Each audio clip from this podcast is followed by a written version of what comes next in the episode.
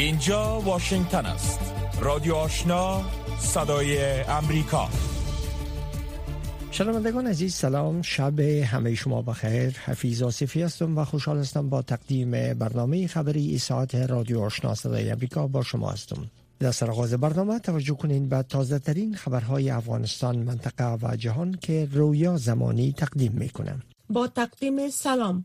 دفتر هماهنگی امور کمک های بشری ملل متحد یا اوچا می گوید که به دلیل خرابی شبکه های مخابراتی و راه های مواصلاتی ایجاد کمپ برای فعالان بشری در ولسوالی های زلزله زده پکتیکا و خوست یک نیاز جدی است. این اداره امروز دوشنبه در چهارمین گزارشش در مورد زلزله مرگبار چهارشنبه گذشته در مناطق جنوب شرقی افغانستان گفت که خرابی شبکه های مخابراتی و جاده ها در ولسوالی های گیان ولایت پکتیکا و اسپیره ولایت خوست چالش های لوجستیکی را در منطقه ایجاد کرده است. اوچا در مورد رساندن به موقع کمک های بشری به مردم آسیب دیده گفته است که در دو ولسوالی آسیب دیدگان گیان و برمل پکتیکا و اسپیره خوست ایجاد کمپ ها برای فعالان بشری یک اولویت عاجل است. به گفته اوچا تیم هماهنگی کمک های بشری ملل متحد یک برنامه استراری چند جانبه سه ماهه را نهایی کرده است که در صورت تطبیق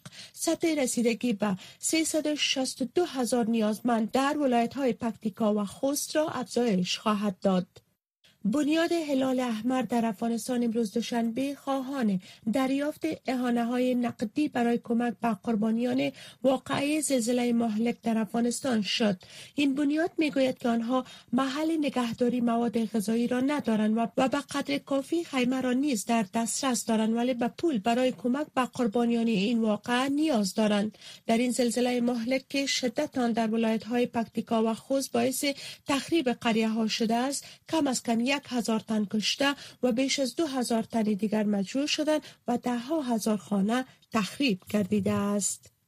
گروه های حامی حقوق بشر می گویند که تغییرات مثبت را از برگزاری جرگه طالبان در کابل انتظار ندارند. هیدربار رئیس بخش زنان دیدبان حقوق بشر می گوید که فکر نمی کند که در جرگه طالبان کسی بتواند صدای خود را بلند کند و یا این نشست نکاس دهنده تنوع قومی باشد. او افزوده است که اگر زنان و دیگر گروه ها از این تشکیل بیرون باشند این چنین جرگه مشروعیت نخواهد داشت. اما با آن هم تصور اندک می رود که این جرگه فرصت را فراهم کند که طالبان از تخطی حقوق زنان و دختران دست بکشند. یک منبع از حکومت طالبان بر رادیو آزادی گفته است که دسترسی رسانه ها برای پوشش نشست بزرگ علمایی که روز چهارشنبه در خیمه لوی جرگه برگزار می شود محدود خواهد بود. شرح بیشتر را از فوزی احسان میشنوید.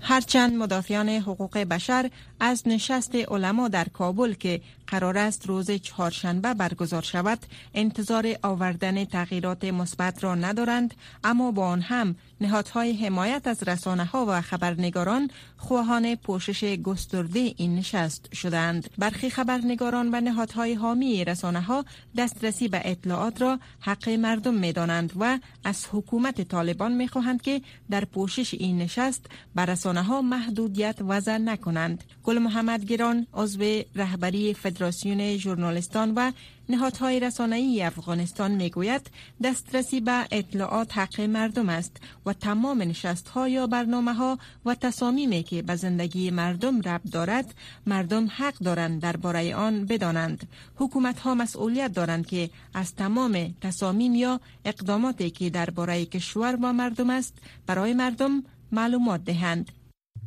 در ادامه خبرها نهادهای جهانی حقوق بشر از کشتار و آسیب رساندن به غیر نظامیان در ولسوالی بلخاب سرپل توسط طالبان ابراز نگرانی کردند. عفو بین الملل با نگرانی از گزارش های مربوط به اعدام های سرپایی و آسیب رساندن به غیر نظامیان در ولسوالی بلخاب سرپل گفته است که طرفین درگیر معذف هستند. در تمام خصومت ها قوانین جنگ را به طور کامل رعایت کنند و از آسیب رساندن به غیر نظامیان خودداری کنند. این سازمان امروز دوشنبه با نشر یک سلسله توییت ها گفته است که جامعه بین المللی نباید از افزایش نقض حقوق بشر در افغانستان چشم بپوشند.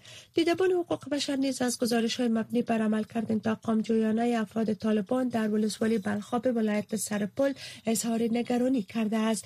پتریشا گاسمن مسئول بخش این دیدبان گفته است که بر اساس گزارش ها نیروهای طالبان در بلخاب به انتقام مقاومت مسلحانه در این ولسوالی چندین زندانی را بدون تأخیر اعدام کردند. خبرها را از امواج رادیو آشنا صدای امریکا مشنوین قطر میزبان مذاکرات مستقیم میان ایران و ایالات متحده در روزهای آینده خواهد بود. این خبر را رسانه های ایرانی امروز دوشنبه در حال نشر کردند که اتحادیه اروپا برای ختم توافق در مذاکرات روی موافقتنامه هسته سال 2015 ایران با جهان فشار آورده است. محمد مارندی مشاور مطبوعاتی نماینده ویژه ایران در مذاکرات هسته‌ای به خبررسانی ایسنا ابراز داشت که ایران قطر را برای میزبانی این مذاکرات انتخاب کرده است. مذاکرات روی موافقتنامه هسته ایران به دلیل فشار ایران برای حذف نام سپاه پاسداران انقلاب اسلامی از فهرست گروه های تروریستی وزارت خارجه ایالات متحده متوقف کردید. یک سخنگوی اردوی اوکراین ادعا می کند که بلاروس به روسیه حمایت نظامی فراهم می کند الکساندر شوتوپون سخنگوی اردوی اوکراین در کنفرانس مطبوعاتی امروز دوشنبه ابراز داشت که یک محموله دیگر تسلیحاتی که شامل کم از کم 20 اراده موترس به منطقه بلگراد رسیده است. طبق معلومات این مقام اوکراینی پرتاب راکت ها توسط روسیه بر اماکن ملکی و نظامی در دنباس خارکیوف و سلیونسک ادامه دارد. ولی اردوی اوکراین عملیات های موفقانه را در منطقه فوهانسک علیه نیروهای روسی انجام داده است. های اوکراینی و روسی که در شرق اوکراین مصروف جنگ هستند هر دو محدودیت های جدی را در بخش گزارشدهی از منطقه جنگ وضع کردند. قرار است که ولادیمیر زلنسکی رئیس جمهور اوکراین در جریان سخنرانی امروز دوشنبه از رهبران گروه هفت اقتصاد برتر جهان بخواهد که در جنگ در برابر روسیه به نیروهای اوکراین سلاحهای سنگین بیشتر دهند. نشست سی روزه سران هفت کشور صنعتی جهان در نزدیک شهر مونیخ جرمنی فردا به پایان می رسد کانادا فرانسه جرمنی ایتالیا ژاپن بریتانیا و ایالات متحده آمریکا اعضای جی هفت یا گروه هفت هستند. جزئیات بیشتر را از حفیظ آصفی مشنوید در همین حال CNN و اسوشیتد پرس با نقل از منابع آگاه گزارش دادند که ایالات متحده می‌خواهد این هفته اعلام کند که سیستم دفاع راکتی زمین به هوای پیشرفته با برد متوسط تا بلند را برای اوکراین خریداری کرده است. واشنگتن هفته گذشته کمک نظامی اضافی به ارزش 450 میلیون دلار را به اوکراین اعلام کرد. همزمان با نشست گروه هفت روسیه حمله های خود را بر مناطق مختلف در اوکراین افزایش داده است. مقام های اوکراین امروز گفتند که روسیه در شهر اودیسه حمله مرگبار کرده است. مقام ها افزودند که نیروهای روسی با بم افغان استراتژیک تیو 22 به شهر اودیسه حمله کردند مقام های اوکراین بیان که شمار دقیق تلفات را مشخص کنند گفتند که در این حمله شش تن به شمول یک کودک کشته و زخمی شدند در این حمله چند ساختمان مسکونی و زراعتی در مساحت 500 متر مربع ویران شده است. در این حال رهبران گروه جی هفت یا هفت اقتصاد برتر جهان روز پنجشنبه تعهد کردند تا برای مقابله با طرح چند تریلیون دلاری چین در زیربنای کشورهای در حال توسعه 600 میلیارد دلار بسیج کنند. رهبران گروه جی هفت گفتند که این مبلغ پول را در پنج سال آینده برای مقابله با پروژه زیربنای چین موسوم به یک کمربند یک راه بسیج خواهند کرد. شی جین پینگ رئیس جمهور چین در سال 2013 میلادی طرح یک کمربند یک راه را راه اندازی کرد. جو بایدن رئیس جمهوری ایالات متحده و سایر رهبران گروه جی هفت در گرد همایی سالانه خود که امسال در قلعه المو در واقع در جنوب آلمان برگزار شد پروژه مشارکت برای زیربنا و سرمایه گذاری جهانی را دوباره با نام جدید را اندازی کردند. یانس ستنتلبرگ منشی عمومی سازمان ملل متحد روز دوشنبه گفت که ناتو تعداد نیروهای خود را با آمادگی بالا به طور گسترده به بیش از 300 هزار نفر افزایش خواهد داد. او پیش از نشست ناتو در مادرید در اواخر این هفته به خبرنگاران گفت که ما نیروی واکنش ناتو را تغییر خواهیم داد و تعداد نیروهای آماده باش خود را به بیش از 300 هزار نفر افزایش خواهیم داد. نیروی واکنش سری ناتو نیروی واکنش ناتو تا کنون حدود 40 هزار سرباز دارد. و خبر اخیر یک مقام ارشد کره جنوبی روز دوشنبه گفت که کره شمالی به طور فزاینده کره جنوبی را با برنامه تسلیحات هسته‌ایش هدف قرار می دهد این کشور چین و روسیه خواست تا شمال را متقاعد بسازند که آزمایش هسته‌ای را انجام ندهد. این اظهارات کوان یانگ وزیر اتحاد کره پس از آن صورت گرفت که کیم جونگ اون رهبر کره شمالی هفته گذشته در یک نشست بلند رتبه نظامی دوباره بر جا طلبی های هسته خود تاکید کرد و مسئولیت های عملیاتی جدید نامشخص را برای واحد های اردوی خط مقدم تصویب کرد. این بود مشروع خبرها تا این لحظه. از امواج رادیو آشنا صدای امریکا. روکو راست. صحبت های داغ صاحب نظران در مورد خبرها و مسائل روز هر شام از ساعت 8 تا 9 شب. در برنامه مشترک دری و پشتوی رادیو آشنا صدای امریکا. بخش زنده این برنامه را در نشرات ماهواره صدای امریکا نیز دنبال کرده می توانید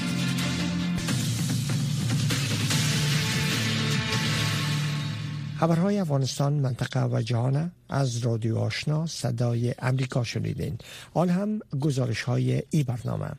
شمار از فعالان حقوق زن میگن که طالبان با برگزاری جرگه آلمان دین و بزرگان قومی در پی حل مشکلات اقتصادی و اجتماعی مردم نیستند بلکه به دنبال کسب مشروعیت هستند. شمار از این فعالان هم از اشتراک کنندگان نشست می‌خواهند که با توجه به منافع ملی تصمیم بگیرند. جزیات بیشتر در این گزارش. در حالی که آمادگی ها برای برگزاری نشست بزرگ عالمان دین و بزرگان قومی در خیمه لوی جرگه گرفته شده است شمار از مدافعان حقوق زن به این نظرند که این گونه نشست ها ابزار برای استفاده سیاست گذاران است. مونس مبارز یکی از مدافعان حقوق زن به صدای امریکا گفت که طالبان دچار بحران مشروعیت داخلی و خارجی اند و هر دوی این مشکل را می‌خواهند با برگزاری این جرگه حل کنند. خانم مبارز با اشاره به این که اعضای این جرگه دارای یک تیف فکری خواهند بود گفت که این جرگه از مردم فرهنگ و ساختار اجتماعی افغانستان نمایندگی نخواهد کرد. این جرگه ها گریکش های مشکل مردم افغانستان نبوده فقط به فرمایش یک گروه خاص یک توده خاص به اصطلاح افراد استفاده جو افراد وطن فروش حتی دین فروش حتی باور فروش ارزش فروش فتوا فروش و مردم فروش در این جرگه حضور دارند و نمایندگی از یک فکر رادیکال افراطی تاریکی طالب می‌کنه و به هیچ عنوان به ارزش های مردم افغانستان ربط نداره لیلی بسیم مدافع حقوق زنان نیز گفت که لوی جرگه در عصر کنونی یک مکانیزم بدوی و فاقد سازوکاری دموکراتیک است و در طول تاریخ حاکمان از این مکانیزم به حیث یک ابزار حفظ قدرت در افغانستان استفاده کردند. خانم بسیم رو آوردن به جرگه را برای مشروعیت یک عمل کرده تنزی توصیف کرد. در نظامی که خشونت و ضدیت دولتی و ساختاری علیه بیش از نصف جامعه زیر عنوان زن صورت بگیره زنها چگونه می‌تونن از این نشست ها توقع داشته باشند؟ ما در قرن 21 علیه هر گونه مکانیزم و برخوردهای دوران قرون وسطا در حیات سیاسی اجتماعی جامعه هستیم و برگزاری چنین نشست ها را ما پیش از پیش مردود می‌دادیم. شمار از فعالان حقوق زن به این نظرند که نمایندگان همه اقوام افغانستان احتمالا در این نشست دعوت نشده و برای زنان نیز هیچ حق اشتراک در نظر گرفتن نشده است. همچنان به گفته این فعالان افرادی که زیر نام عالمان دین به این جرگه دعوت شدند کسانی که بر افکار طالبان در گذشته تأثیر داشتند. جولیا پارسی و عارف فاطمی دو تن از فعالان حقوق زن. ما توقع از این جرگه نداریم. چون این لوی جرگه فقط قومی بوده کسایی را در این لوی جرگه انتخاب کردن که در حکومت طالبان اینا وظیفه دارن و سهم دارن. ما هیچ جای سراغ نداریم که آلمان دین از حقوق زنا، حقوق بشر، حقوق اطفال و به اراده آزاد مردم و حق شهروندی، دموکراسی اینا و عدالت دفاع کرده باشه. و عالمان دین خودشان معلمان همه طالبای امروز است و چه توقعی می‌تونیم از اونها داشته باشیم؟ در همین حال دیدبان حقوق بشر با اشاره به برگزاری جرگه طالبان گفته است که مردم در راستای بهبود وضعیت حقوق زنان و دختران به این جرگه امیدوار خواهند بود. هیدربار مسئول بخش زنان در دیدبان حقوق بشر گفته است. مردم به شدت امیدوار خواهند بود که این جرگه پیشرفت کوچکی در جهت پایان دادن به نقض حقوق زنان و دختران توسط طالبان داشته باشد. اما این بدان است که یک نهاد تصمیم گیره که زنان را مستثنا می کند می تواند مشروع باشد. منابع نزدیک به طالبان می گویند که قرار است روز چهارشنبه حکومت طالبان نشست مشورتی را در کابل برگزار کند که در آن عالمان دین و بزرگان قومی از هر ولسوالی افغانستان حضور خواهند داشت شنوندگان گرامی رادیو آشنا صدای امریکا نشرات رادیو آشنا را در موج متوسط 1296 موج کوتاه 11575 اشاری سفر و در موج 972 کیلوهرتز شنیده می توانید. چهار روز پس از آغاز درگیری میان جنگجویان طالبان و افراد مولوی مهدی مجاهد در ولسوالی بلخاب ولایت سرپل وزارت دفاع حکومت طالبان روز گذشته تایید کرد که در حال حاضر جنگ میان دو طرف در بخشهای ولسوالی جریان دارد. در موردی که آیا درگیری ها در نقاط مختلف افغانستان آغاز مخالفت های مسلحانه با حکومت طالبان خواد بود؟ نسرین محمود عزیزی مصاحبه با دکتر آصف مبلغ پژوهشگر در پوانتون اقدینیز شهر انتالیای ترکیه انجام داده که با هم میشنویم. بر علاوه درگیری های مسلحانه بین جبهه مقاومت در پنشیر آل درگیری ها در بلخاب هم آغاز شده آیا این هم می‌تونه که نماینگر آغاز مخالفت های مسلحانه با حکومت طالبان باشه؟ واقعیت این هست که سیستم را که طالبان ایجاد کرده متاسفانه یک سیستم بسته هست که در او تضادها و تنازع و منازعه در افغانستان نهاده نخواهد شد. بعد از گذشت دهانیم ما از عمر سیستم ما و شما می‌بینیم که مشکلات اجتماعی فقر ضدیت با زنان ضدیت با اقوام ضدیت با یک فرهنگ و زبان خاص در این سیستم به شکل سیستماتیک به پیش میره و این متاسفانه رویارویی را با گروه طالبان و با سیستمی که اینا درست کرده برای ملت افغانستان ناگزیر می سازه به همون شکلی که شما می بینید امروز در بلخاب در بخش های از جوزجان فاریاب در غور در یکاولنگ در بامیان نارضایتی های اجتماعی به سطح یک انفجار و یک رویارویی مسلحانه به پیش میره. بخشای از مناطق مرکزی به دلیل حمایت گروه طالبان زیر ظلم و ستم کوچی ها متاسفانه از بین رفته. مزاره مردم مشکلات را که در جوزجان شما خبر دارید توزیع زمین مردم جوزجان به اهالی از آن طرف خط دیورند و توزیع تذکره برای اونا مشکل ساز شده بود و هنوز مشکل ساز هست. تخلیه و گرفتن مردم در پشتپر شما خبردار هستید به همین شکل در غزنی مناطق از مردم زمین های مردم توضیح شده. اینا من فکر می‌کنم که تقابل مردم افغانستان با گروه طالبان و سیستم را ایجاد کردن ناممکن می‌سازد بله. به نظر شما آیا حکومت طالبان توانایی رویارویی با درگیری های مسلحانه را طوری که شما ذکر کردین در نقاط مختلف کشور دارا خود بودن؟ به هیچ عنوان شما همکنون در ولایت های شمالی حتی در خود بلخاب یا در بامیان یا در مناطق مرکزی و جاهای دیگر نیروهای بومی خود طالبان بسیار کم هست. وقتی جنگ بلخاب شروع میشه اکثر نیروهایی را که در پنشیر بوده مصروف جنگ طالبا به سمت بلخاب بسیج می‌کنه و این حکایتگر از این هست که نیروهایی را که اینا به اونا اعتماد داره بسیار محدود هستند. به همین دلیل من فکر می‌کنم که تیزش های مسلحانه اگر فراگیر شود برای طالبان شکست دومینویی و پشت سر همه را سبب خواهد شد. در مناطق ازبک نشین همکنون مشکلات درونی طالبان به اوج خودش رسیده. نارضایتی مردم به اوج خودش رسیده. در مناطق مرکزی هم به همین شکل.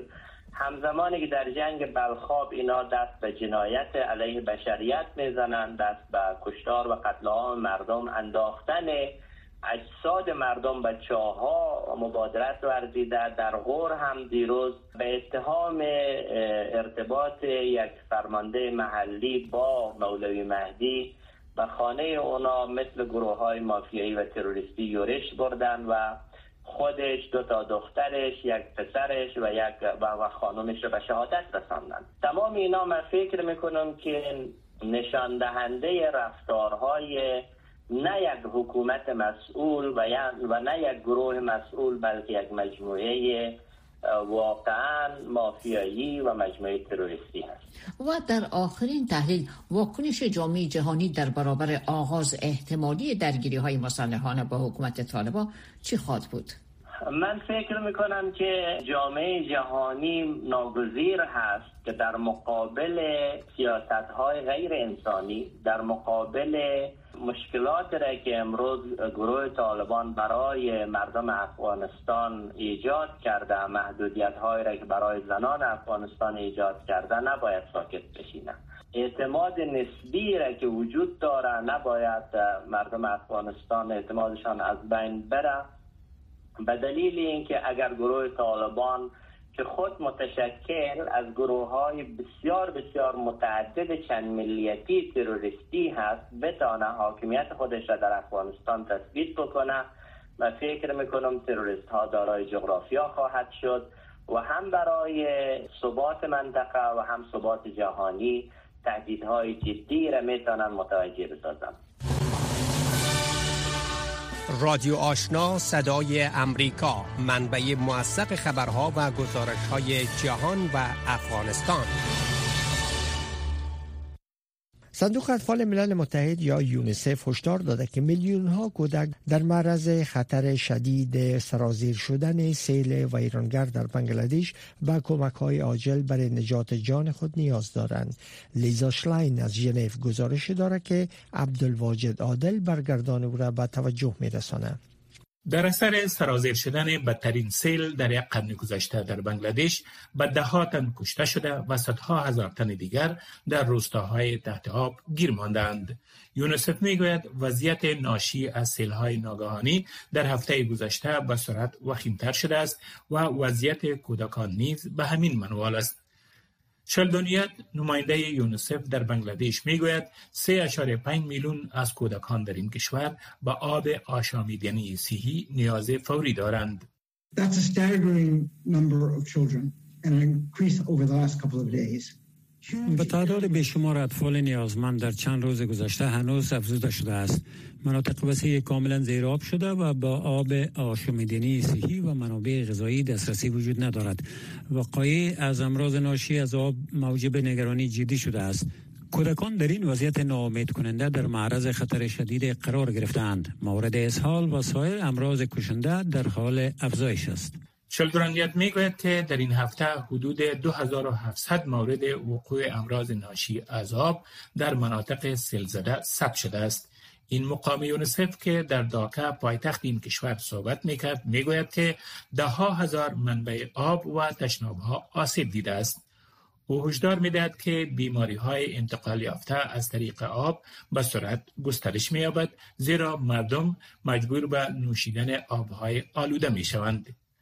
یاد می‌گوید 90 درصد از مراکز طبی تحت سیل قرار گرفتند و نظم معافیت کتلوی برهم خورده و سایر خدمات حیاتی قطع شده است. او خاطر نشان می کند که حتی پیش از وقوع سیل حدود 2000 کودک از سوی تغذیه حاد شدید رنج می بردند. او می گوید که پروسه علاج برای نجات بخشی این بیماران نیز در اثر سیل مختل گردیده است. The risk of drowning is very high. These 15 children have tragically lost their lives. خطر غرق شدن بسیار زیاد وجود دارد. کم از کم 15 کودک به طور غمانگیز تا کنون جان باختند.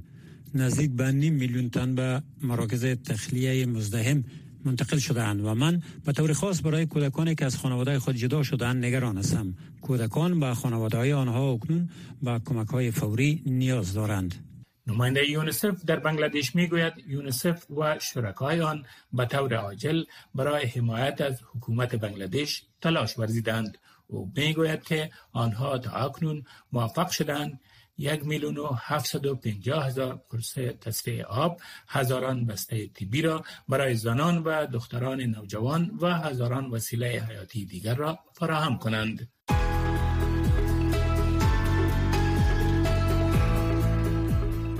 صدای شما. صدا و نظریات شما در مورد مسائل سیاسی اقتصادی فرهنگی اجتماعی و صحی از ساعت ده تا دو شب در برنامه مشترک دری و پشتوی رادیو آشنا صدای امریکا.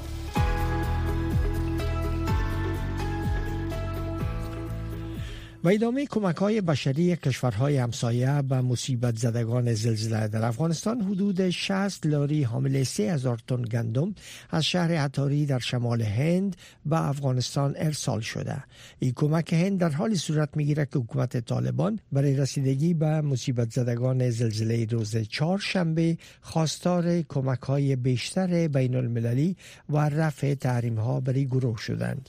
گزارش را در این مورد از نجیب خلیل مشنویم حکومت طالبان در حال کمک های بیشتر بین المللی و رفع تحریم ها را درخواست کرده است که در اثر زلزله این هفته در ولایت های پکتیکا و خوست بیش از یک هزار تن جان باخت حدود دو هزار نفر مجروح شد و بیش از ده هزار خانه آسیب دید محموله کمک گندم هند بخشی از تعهد آن کشور برای تأمین 50 هزار تن گندم به افغانستان پس از تسلط طالبان است. از تین 3000 ٹن امروز سه هزار تن گندم در 60 لاری ارسال می کنیم ما قبلا سی هزار تن را ارسال کردیم و با ارسال این سه هزار تن انتقال سی و سی هزار تن گندم به افغانستان را تکمیل کردیم.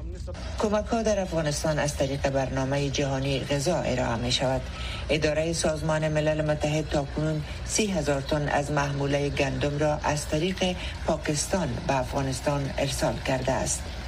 از جانب دیگر چین به روز جمعه صدها خیمه را به مناطق زلزله زده افغانستان فرستاده است. وانگ بین سخنگوی وزارت خارجه چین گفت که چین همچنین از طریق چینل های متعدد از جمله حکومت های محلی جامعه صلیب سرخ چین و جامعه تجاری به صورت شبانه روز کار می کند تا پول، خیمه، لحاف و سایر تجهیزات بشردوستانه را جمع آوری کند و در اسرع وقت به مناطق زلزله زده فرستاده شود. برای رسیدگی به مجروحین یک کلینیک موقت در میدان هوایی خوست برای تداوی مجروحان زلزله شدید چهارشنبه ایجاد شده است. دکتران پاکستانی روز شنبه در حال تداوی کودکان در این کلینیک دیده شدند. نماینده اداره کودکان سازمان ملل متحد در افغانستان گفت در میان جان باختگان زلزله روز چهارشنبه 121 کودک شامل است و انتظار می رود این رقم افزایش یابد. و گفت که نزدیک به هفتاد کودک زخمی شدند. حکومت پاکستان با یک مؤسسه خیریه پاکستانی پیش از این 13 لاری حامل مواد غذایی، خیمه، دوا و سایر اقلام ضروری را ارسال کرده بود و پاکستان همچنان برخی از دروازه های سرحدی خود را روی مجروحان باز کرده است تا برای تداوی انتقال داده شوند.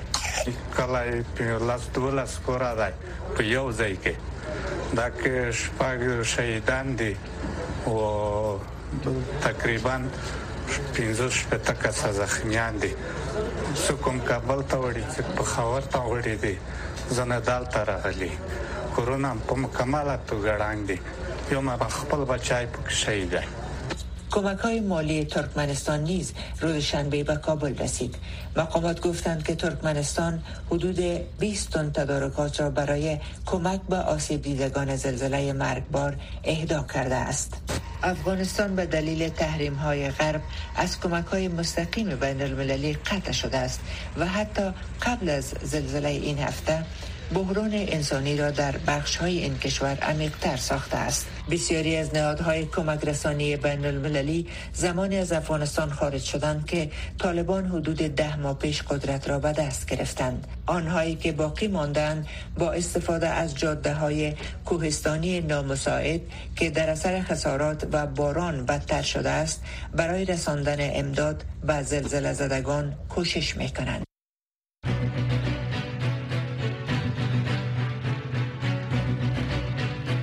شنوندگان عزیز ای بود داشته های برنامه خبری که در همین جا به پایان رسید اما نشرات پشتو و دری رادیو آشنا صدای امریکا همچنان ادامه داره شنونده رادیو آشنا باشید.